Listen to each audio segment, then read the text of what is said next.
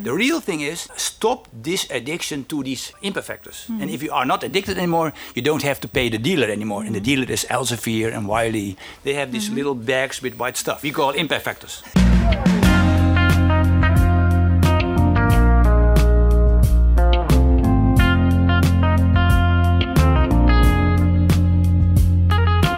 This is the VU Library Live talk show and podcast. I am Dr. Maria Cruz.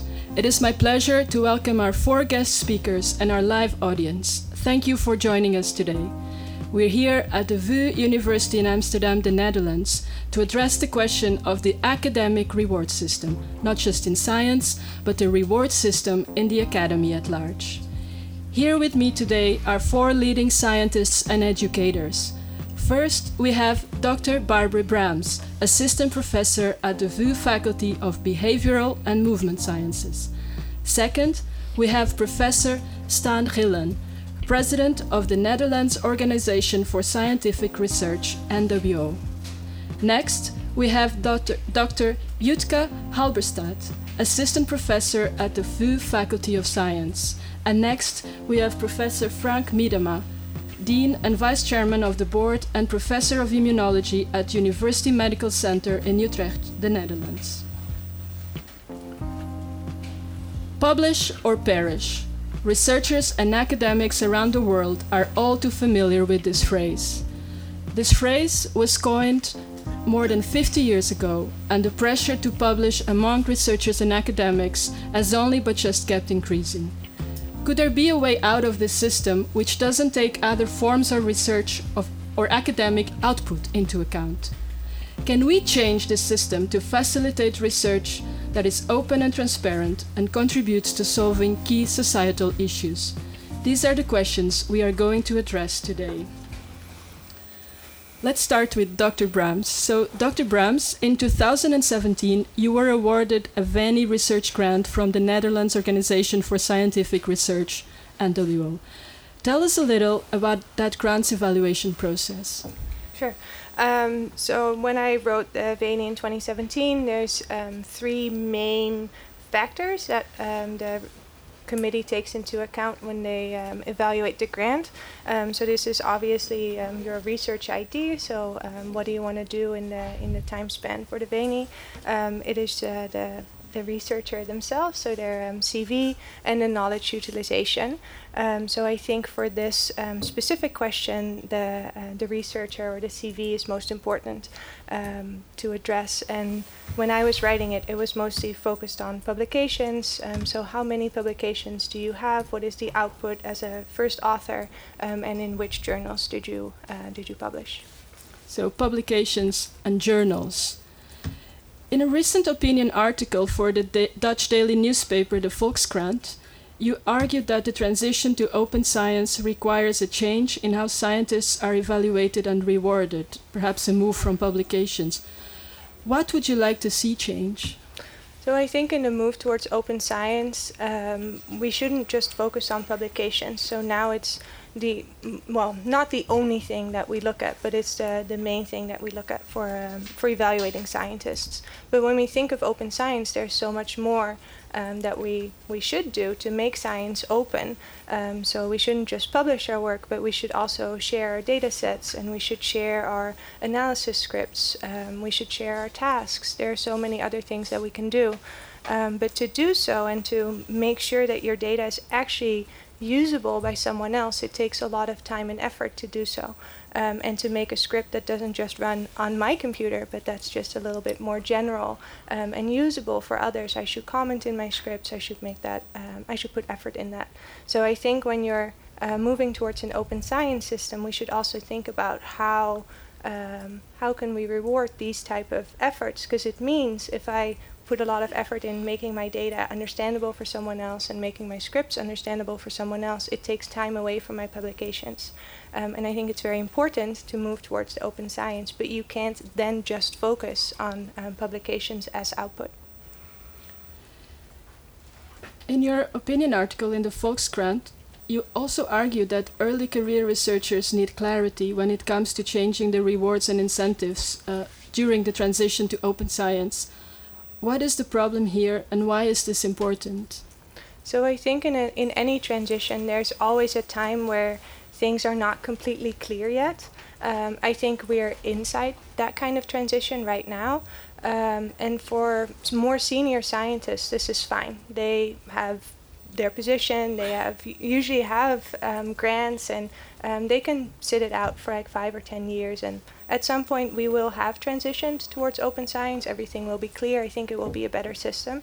But during that transition time, it's very important for um, the, the early career researchers to know what is expected of them because they really only have three years to get a Veni, for instance. So after the, um, you defend your PhD thesis, um, you, you can only apply for a Veni within the, the three years after um, defending. So if you are an early career researcher in this time of transition and, and it's not clear what you should do, it's not clear what is um, what is evaluated when you um, write a grant, when you write a Veni, it could be that in, in those three years you're very much disadvantaged.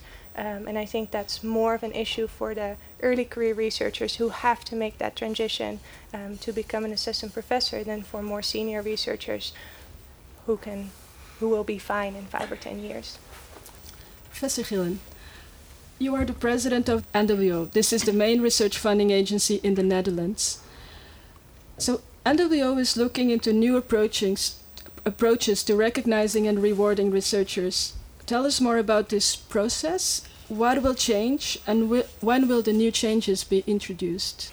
Uh, my statement always has been that I don't care where you publish. I want to know what is your what was your contribution to science, and that can be a scientific breakthrough, it can be a, a novel algorithm, a new protocol, experimental protocol, a new database. Well, go on.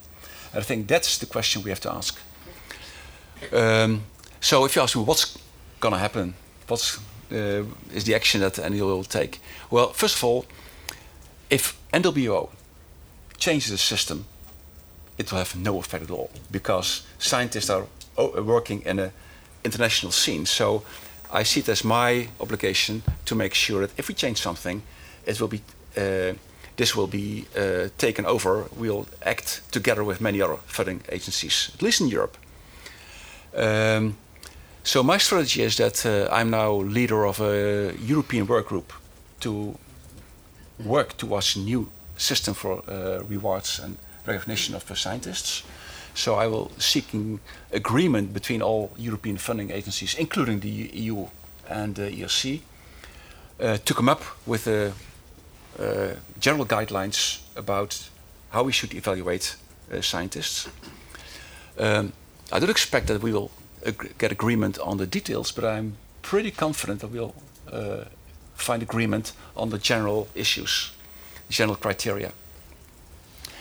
If you ask me when will we will we uh, change the system, well, not this year anymore. but I'm, uh, but uh, uh, I expect that we will have a document available uh, by the end of this year, which will be open for consultation, public consultations, So we'll get we'll uh, look for, get ask for input from the scientist scientific community. And uh, well, if I'm a little bit optimistic, I hope that in let's say first half 2020 we'll have some kind of let's say agreement among all the funding agencies in Europe about the basic criteria uh, that should be used for evaluate uh, scientists. What about the San Francisco Declaration on Research Assessment, DORA, which recognizes the need to improve the ways in which the outputs of scholarly research are evaluated? When will NWO sign it? Okay, good question. Yeah. Um, we agreed to sign DORA about more, more than a year ago. But uh, DORA tells you what you should, what you should not do. And we decided that we will sign DORA together with a message what you should do. And uh, so on May 23rd, there will be a conference about this issue in the Netherlands, in The Hague. And we decided to, to sign DORA and also to make statements what we are going to do before that meeting. So I'm not, I cannot be specific about precise day, but uh, by the end of April or otherwise early May, we will sign DORA and we will also indicate at that time what we will do to implement DORA. Focusing for a moment on the role of uh, data collection and also uh, research software.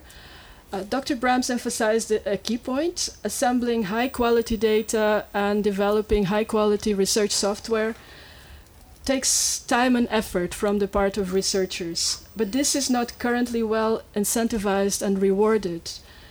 How can we ensure that researchers receive the recognition they deserve for the investments they make in data collection, in research software, and good uh, research and software management? Well, um, my answer has two components. First of all, we are in close contact with the VSNU, the Society of Dutch Universities, because they're uh, talking now with the other communities about academic uh, uh, uh evaluation system. And as far as NWO, we are only involved with research. So we should make sure that our criteria are overlap or the same as those that are used by universities to evaluate the research component. And the other thing is that presumably what we're going to do is uh, we'll uh, ask for, let's say if you submit a grant proposal to NWO, we ask you to come up with a short narrative explaining, first of all, why this is an important problem, what the impact will be scientifically, but also societal impact, and why you or your team is qualified to pursue this project. And then, uh, so there's a short narrative, and presumably we are going to ask for, let's say, five papers which demonstrate that you have done excellent research, research too uh, which support your statement and your narrative. And we ask you for, let's say, five other criteria which you will use to demonstrate that you're the, the, are qualified to do it. That can be uh, uh, data, data a new algorithm, and I guess I think that I believe that we'll also ask very specifically a researcher, what is your open science track record?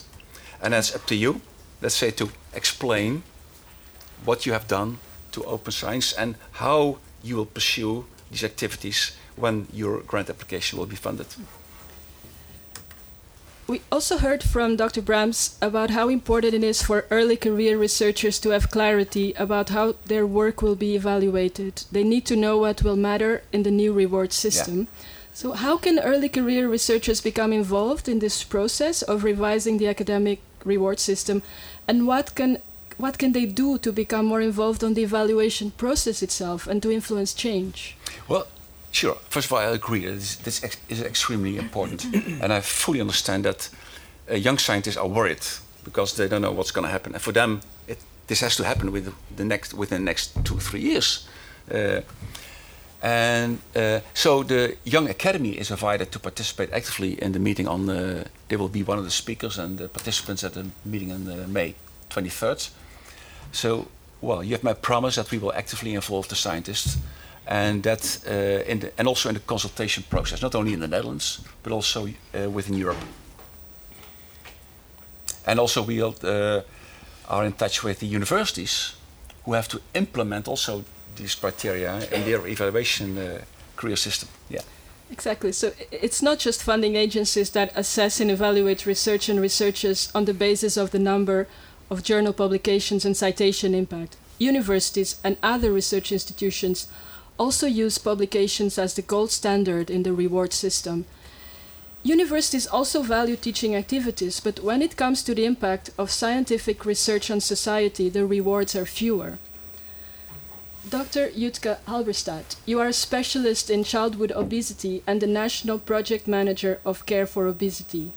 So, in a recent interview, you said, To me, it's not the impact factor that matters, but rather what benefits society.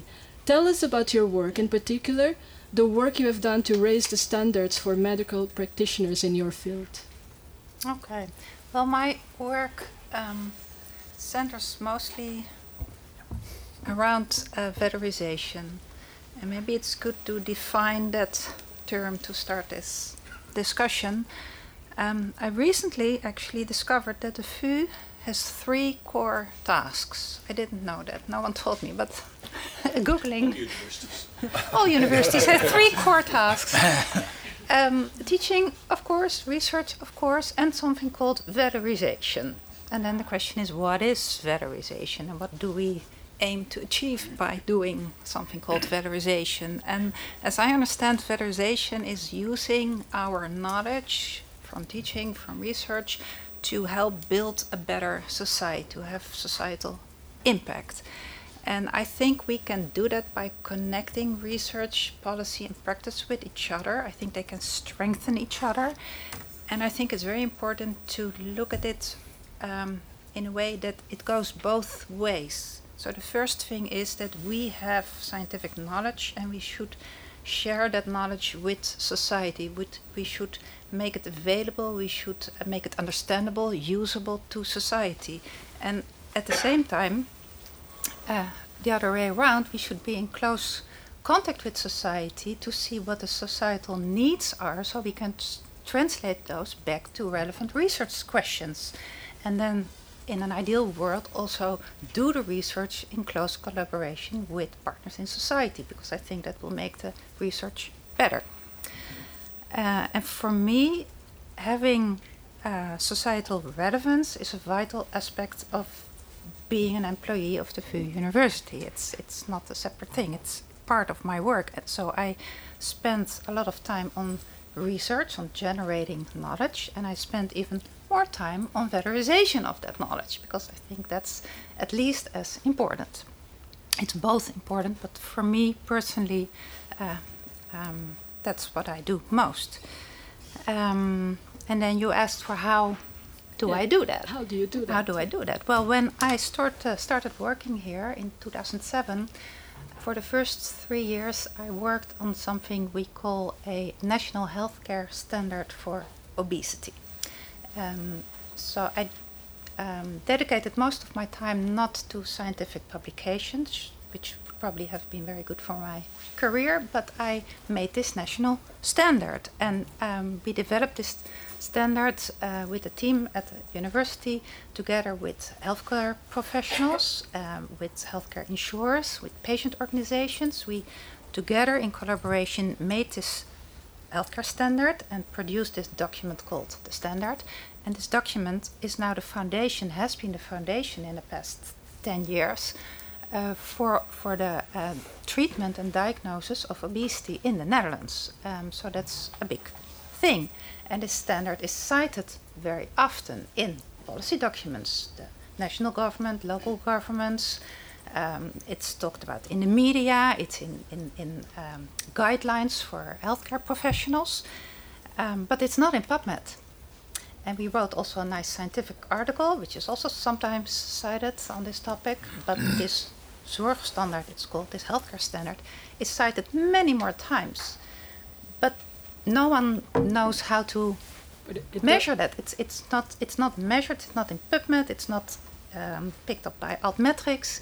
Uh, it has enormous societal impacts, I think, uh, but we do not have a number to so put on it. It does. It doesn't have citation impact in the traditional sense. No. No. But what you're saying is that your work has a very practical and real, uh, very mm-hmm. practical impact in the real world. Yes. You're really influencing clinical decisions across the Netherlands. Yes. But you publish less. Yes.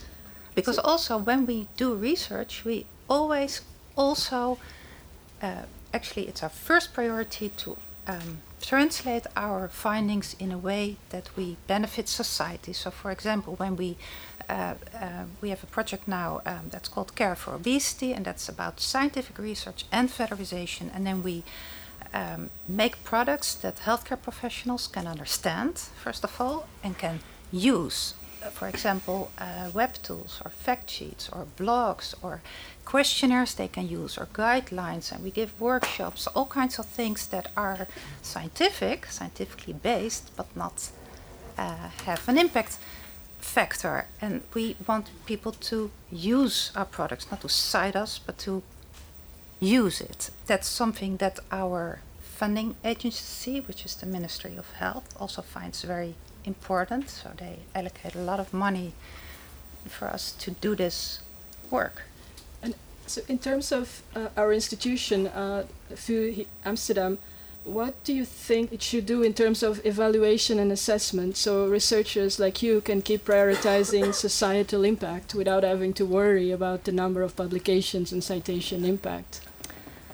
Um, well, it's first of all very nice, like we heard today, that the VU thinks it's very important um, to to have um, to be of academic service, to to have valorization, uh, and to have societal impact as a university. And on a daily basis, this is really a struggle. Just this week, a colleague of mine said, if you want to um, give advice to the government of if you want to write reports for policymakers, maybe uh, you should uh, start a startup.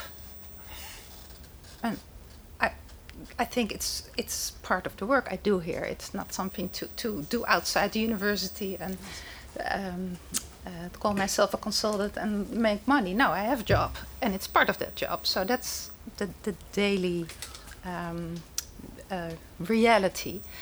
Uh, and for the VU, I think it's very useful to show the world what our societal impact is, to make visible what we do, how we contribute to society as a university. It's in our mission statement. We want to be important and make a difference. Um, and then at the same time, for the people that work here and do this kind of work, because that's not just me, that's many people, I think it would be good to make it measurable and to find a way to value it. And um, I don't know exactly how to do that. There, I think there are many ways you can value uh, collaborations, you can value leadership and visibility in society. You can count how many times someone's name is in the newspaper. You can do all kinds of things. How many healthcare professionals are being reached, or how much healthier children get. I don't know, but that's something we should um, talk about. Maybe experiment with. Uh, and it won't be a perfect system, just like for the scientific publications, the ratings. It's not a perfect system, but it's something we can uh, develop, I think, and work with. And then lastly, I think it's very important to give employees the opportunity to be excellent in valorization. Like scientists can be excellent in teaching or excellent in research. They should also be able to get the opportunity to be excellent in valorization without being obliged to be excellent in all three, because that's really a lot to ask. Professor Miedema, you wrote extensively about this issue, about the lack of recognition for work that affects uh, policy and clinical practice. Tell us about your Science in Transition initiative and how you helped break free of the, as you put it, bibliometric mindset at the Utrecht Medical Center. What have you achieved and how did you do it? Let, yeah, thank you very much. Let me first say respond immediately to the previous speaker. So, uh, talking about the the issue is uh, talking about research and talking about scientific research and academic, uh, say, uh, scholarship, whatever. Um, as soon as you talk about the first excellence and the second excellence, and the second excellence is of course of lower quality because that's about valorization, then we already see how we are. This is the old divide. This is the old thinking. Mm-hmm. In in fact, we think that you have teaching and you have academic research, and uh, and th- that is academic research per definition should have impact. It should have impact science for science, of science for society. So therefore, the, we feel during your talk we feel there's something wrong. And exactly that feeling started science in transition. That mm-hmm. so people are. I talk to many people. I've been in the field for a long time, and I talk to many people who say, "Okay, if this is what science is about, I, would rather go in the financial industry. I make more money. Uh, I can buy a, a nice suit, and I, I, know how to dress, and I will make a career there. I went into science to do something real, to mm-hmm. produce real significant knowledge. And I think that what you have been describing, you want to produce real significant knowledge, and we were all looking at the rector and say, mm-hmm. why is this, uh, say, person, this researcher not being rewarded here in VU? Of course, this is a joke, huh? Mm-hmm. And uh, but this is, of course, the question everybody you also asked, more or less. You were looking at him even. And I no, no, and, I, it's my turn now. It's my yeah. yeah. so and so this is exactly what people all feel, and there's a lot mm-hmm. of frustration in the field. So when we started to put this on the table and to, to break the omerta, you could say, mm-hmm. break the. Everybody knows this is a taboo, but now we are mm-hmm. have it on the table. Uh, say a couple of years ago, this was still a sort of taboo, especially at the mm-hmm. NWO. Of course, we'll talk to Stan uh, about that later, and and definitely uh, people say, ah, finally this can be on the table. Mm-hmm. Finally, we can say, look, there's there's many forms of excellence. It- It's Mm-hmm. excellent work on molecular biology of genetics of cancer cells, and that goes into the high reputation journals because that is Mm-hmm. what those journals like. But there's also wonderful research on rehabilitation sciences, mo- mobility sciences, etc., etc. What you were doing, Mm-hmm. say, dealing with say public health issues in the real, outside of the the, the walls of an academic medical center or academic center. And, and we have to acknowledge that there's different excellences, and those, those excellences have to be rewarded, not only here, but everywhere, and also at the funders. And I have good news for you. This is, by now, people realize that this is something very, very important. You can imagine that you are in the Cancer Society, KWF, and you hand out money for doing research. So in the early days, I, I did my thesis on T-cell leukemias. Wonderful journal, uh, wonderful topic, nice publications. You can look, look it up in my thesis, 85 already. And, but nobody asked the question at the committee that was looking at my thesis and, and my say, pu- publication list at the, bij het eindverslag aan KWF, when we made the final report. The, I, have, I was just putting my, uh, some text and uh, wonderful publications. Nice project for scientists, but not for the patients. So it was about income, how much grants did you get, and not about outcome for the patients. And so this is the big difference. So now also the charities, the charities, they want outcome. They want mm-hmm. improvement of health, mm-hmm. uh, cure, care, and whatever.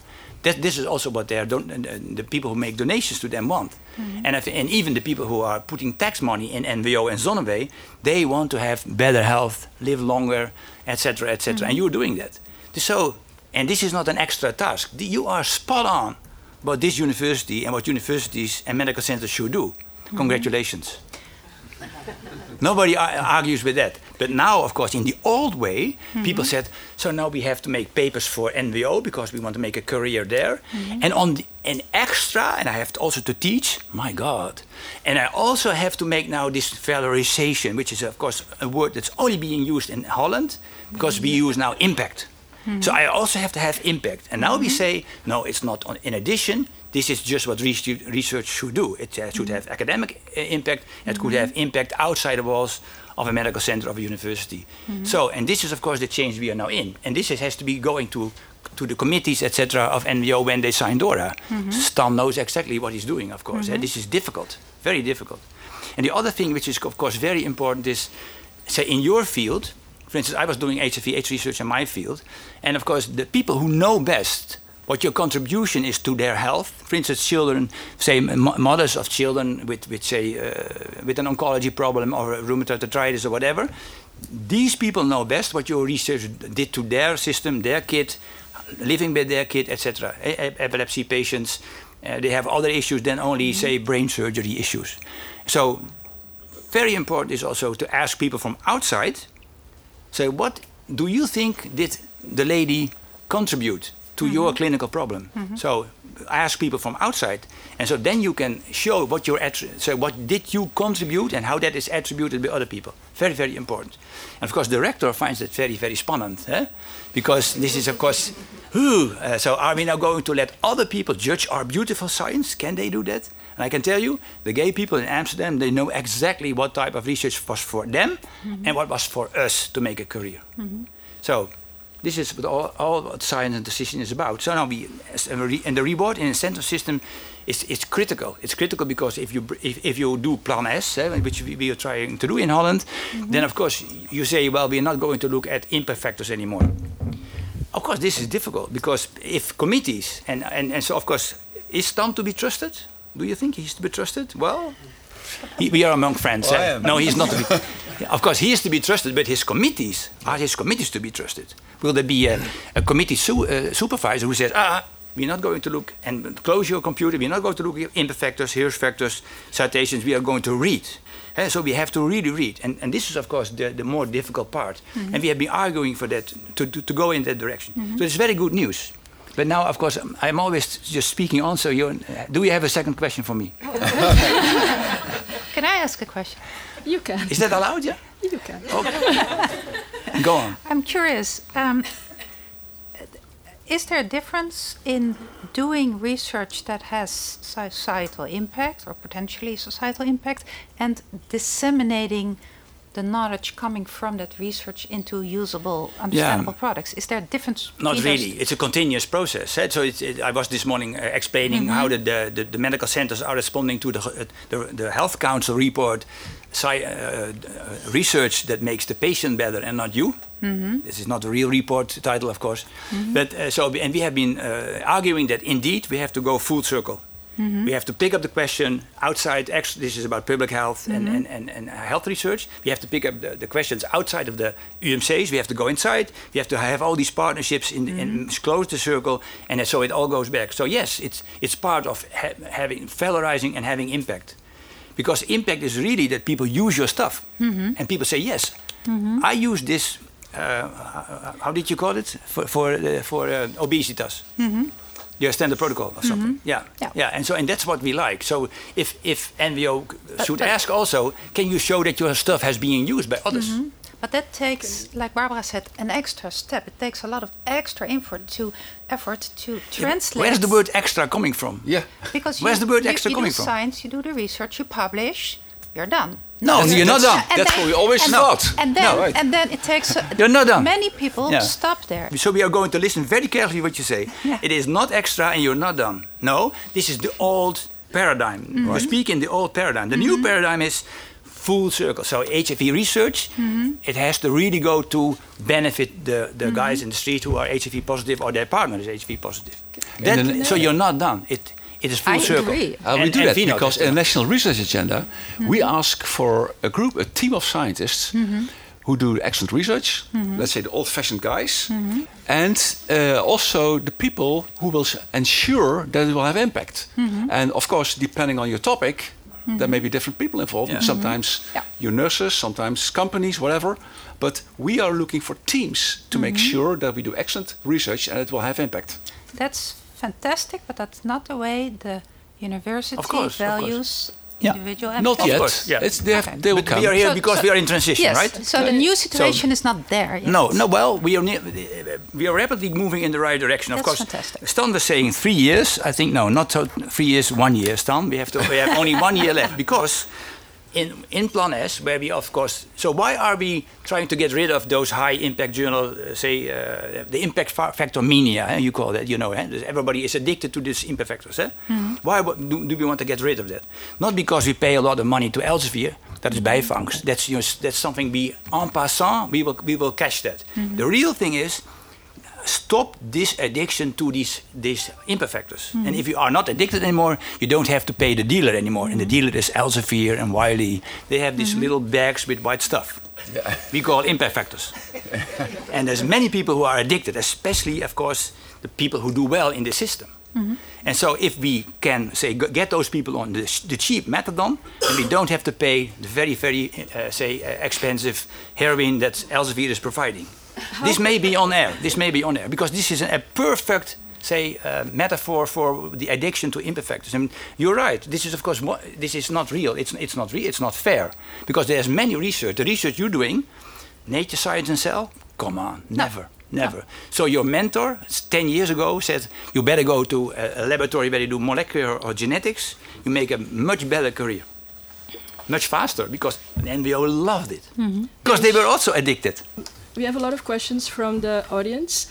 And one question is actually somebody saying, I know that academic careers at the VU are still limited for scientists who are excellent in having societal impact. How can that change? How can that change? Everybody is realizing this should change. Yeah. And, and, and we don't have three years. I think we have only. Uh, uh, I'm also on the, on the, in, in, in the group of people who is going at the committee that looks at, at the, the standard evaluation protocol. The first question is how standard can it be? The other is it should include this, say, more integral way to, to, to, to evaluate. So there, more, there should be more excellences that are being rewarded in that type of system. Everybody is on the same page there. But it's difficult, it takes some time, and there are many people who are scared because what is going it's in, in scientists do, all, all, scientists always say they love new things, No. but in fact they, they are very very insecure if you change something. And this is of course what we feel, but also I'm 65, thank you very much, and also we feel that this is very very tricky to do if you are the dean in a medical center, or if you are in charge, even old, older than 65, if you're in charge of NWO, this is a scary thing, spannend to do. So it's not only you, it's also us. Yeah, no, obviously it's Yeah. a big transition for everyone. Right. but we will. the, the, the question that you should ask to, uh, to us is, you guys, I, are you to be trusted? Are you really going this way, or will it be different five years from now? And I have a problem with my career. That's the real question. And we have to say, you can trust us. you can trust Europe, So I and you can trust yeah. the, the, the, the Wellcome Trust and the Bill Bill and Melinda Gates Foundation and all the funders in Europe. Everybody knows this is going in the direction. And also, directors realize that something should change. Yeah, I'd like to add to that. Okay, So this we- is- we agree. fully, Great. Yeah. fully. But I This used you as an example. This is something which is not only in the Netherlands, but I think it's world. Uh, in, in, in Europe, there are many in many countries. There's this feeling that we really have to change the system. And uh, Frank was talking about three years too long. Well, I think maybe shorter, but I think this will take a few generations before. Be, well, be until. Uh, all reviewers and all reviewer panels have changed their mindset. So what we're gonna do as NWO, we'll make a set of guidelines, and we give a short instru- instruction. We're gonna give instructions to reviewers, Yeah. what the cri- how they should evaluate criteria. Yeah. We'll give instructions to panel members, and we will presumably we're gonna do that for the next 20 years. Because if we do this for one year, it will have not it will not be effective. It's like the gender issue. Like how many many years are we talking about Yeah. gender issues that in the evaluation of protocols? Yeah. And you, we did a pilot with NWO where we evaluated proposals uh, with an uh, instruction before the meeting to uh, the panel members and com- did a, a, a comparison with the, the old-fashioned way.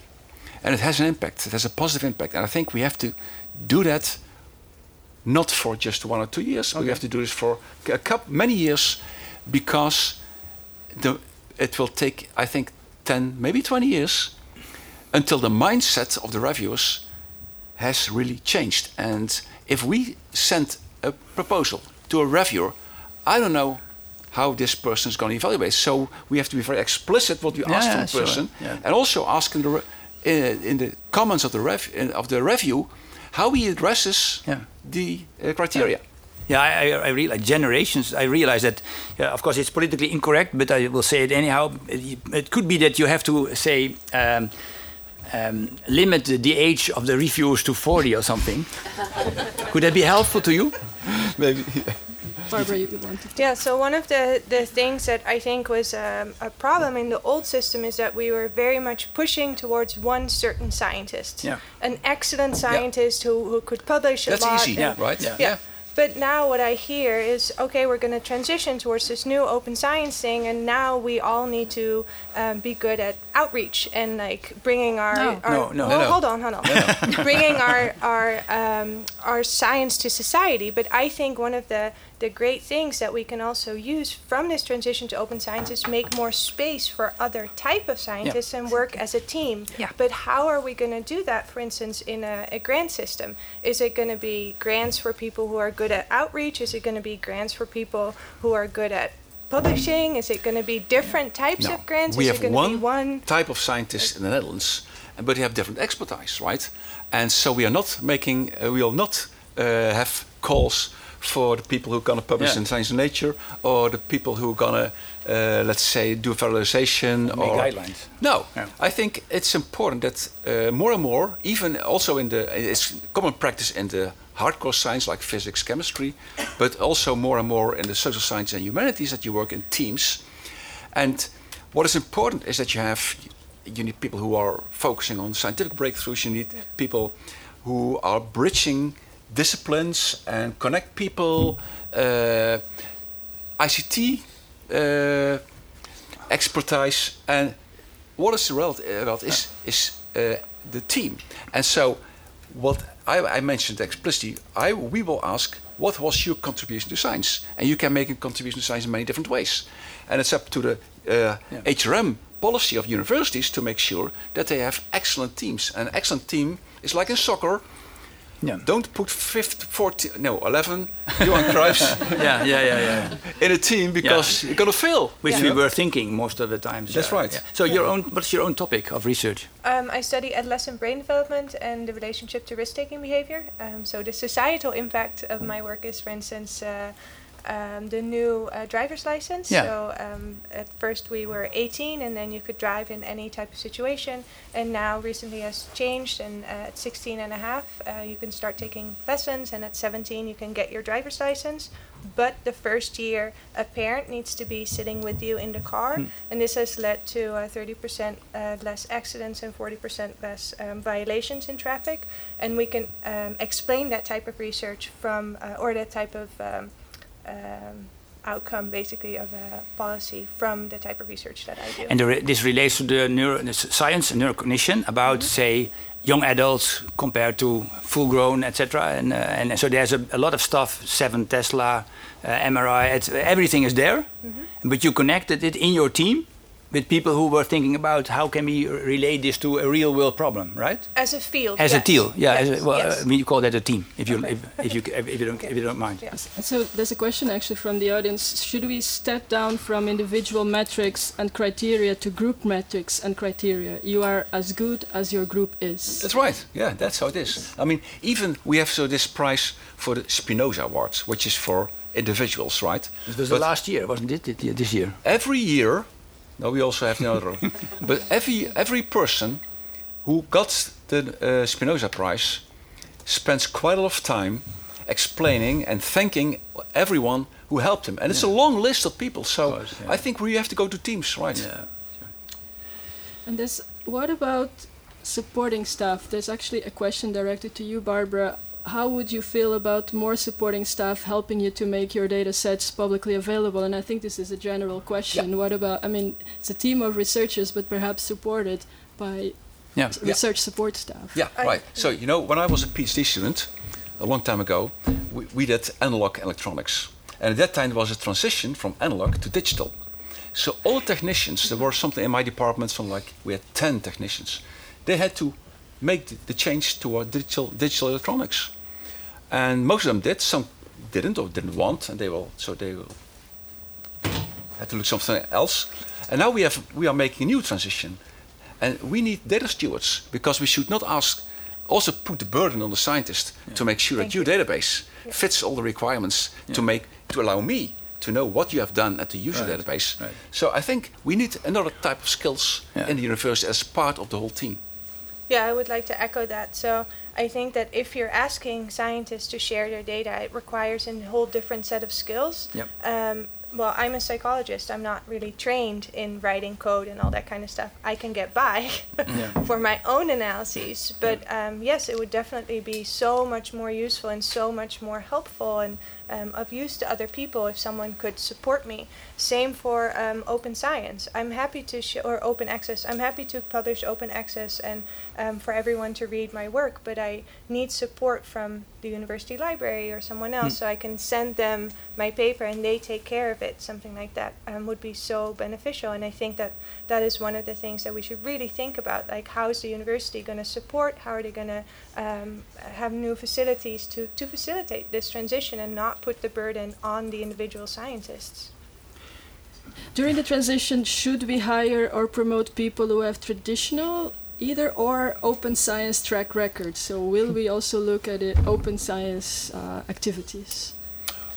I think we should, uh, from NWO perspective, we should make a gradual transition. So we, if we ask now, what was your contribution, your track record of open science, I guess it will be quite limited for many. Yeah. But by just asking it, Yeah. making explicit that it's one of the criteria that we're going to use in the evaluation procedure, I think that will change the system, and it, that will take just one or two years. Yeah, right. Yeah. Well, I think Yeah. it might actually be a little longer. So, um, I'm in, like I said, I'm in psychology, and for us, uh, privacy is one of the uh, very important Yeah. things. So, if I want to share a data set, it means that I have to ask explicit consent from my participants when I collect the data. But from the moment of collecting my data to publishing could be four years, something like that. So, if I now I can't backwards Yeah, sure. uh, you know, share my yeah. data. So now is the first data set I'm collecting, well, starting this week, collecting it, that I'm explicitly asking my participants to give consent. But it will be four years or five years until I'm Yeah. ready to share this data. Um, and I'm actually in a debate with a, um, a institutional review board from another university to share data, and they were like, no, you can't.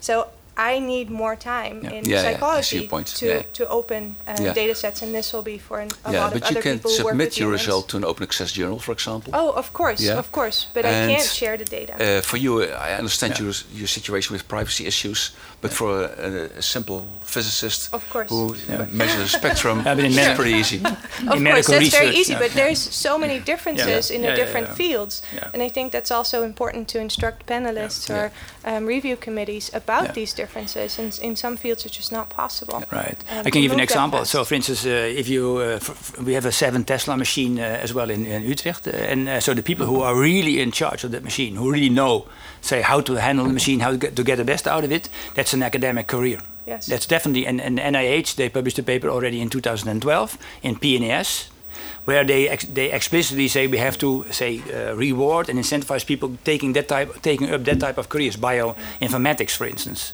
Uh, so if you do biostimulation some and modeling, this this is a specific. I, I have some experience with that in immunology.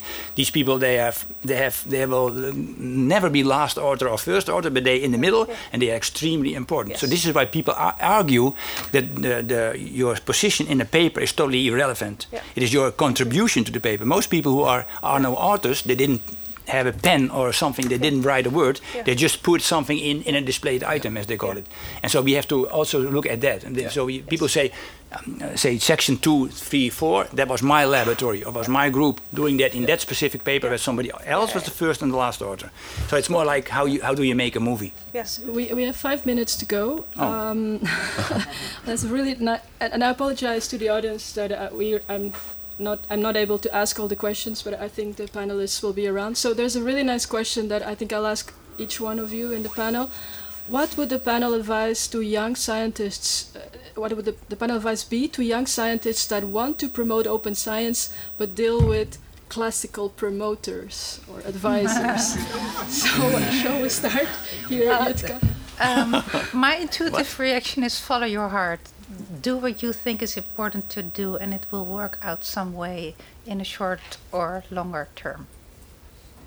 Thank you, Barbara. Yeah, I also would agree with that. Um, I mean, I think if you're a young scientist and you're already thinking about open science, I think that's im- extremely important. Um, I think it should be from the, the early career researchers to the new generation who's really going to put this forward. Um, and I think that's where we're all going. So, um, yeah, I would also say uh, do what you think is best. Yeah, actually, I would say the, uh, same thing. And if you have an old-fashioned uh, promoter, I think if he is a wise person, he would let you uh, let the student go, uh, because that's why we have students to renovate, uh, to get new people, young people, new ideas, new expertise. So if you stick to the your own principles, you'll be lost in four years. I have a little, little bit of different uh, take. I think I have been saying it before that I think uh, to put the burden on the young academics and uh, and the PhDs that is not really fair because they you are you have the least power in the system and this is a power game. This is all about power. Who allocates the money? Who des- decides what is excellence? This is about a power game in a classical sociological sense. So, from my point of view, the deans, the rector, the vice chancellors in the, in the United States and America, these people, they should realize that they are in charge. And they, if they have the, they hand out the wrong incentives to those old-fashioned professors, they will not change. So we have to see that the pr- appropriate academic leadership is in place. And that sometimes you have to wait, but sometimes you have to say, okay, this is enough. Now we have to have somebody else who will take over this department. I And- agree with you. Thank you. And with this, we, we will uh, end our show. Thank you very much to all of our guest speakers, Dr. Braams, Professor Gielen, Dr. Halberstadt, Professor Miedema. Thank you for joining us today. Thank you also to our live audience. It was a pleasure to have you all here with us today at the VU University in Amsterdam.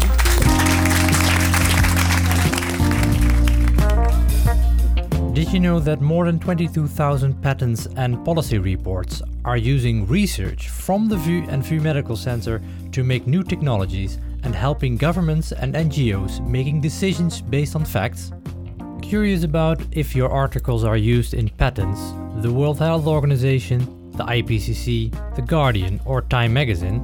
The VU Library offers a free Altmetric Explorer service for VU University and VU Medical Center researchers. This will help you gain more insight into how your research is getting used by society and to bring something else in the conversation with your evaluators other than the usual. For a quick guide, go to bit.ly slash vu dash social dash attention. When you want to showcase more than only your publications, you can try adding datasets, software, policy reports, lectures, public speeches, and so forth to your pure profile. Go to research.vu.nl or research.vumc.nl, scroll down to the bottom, and log in. Find more Library Live podcasts at bit.ly slash vu library live. Please share this podcast with your friends and colleagues. Give us a nice rating, subscribe, and until next time.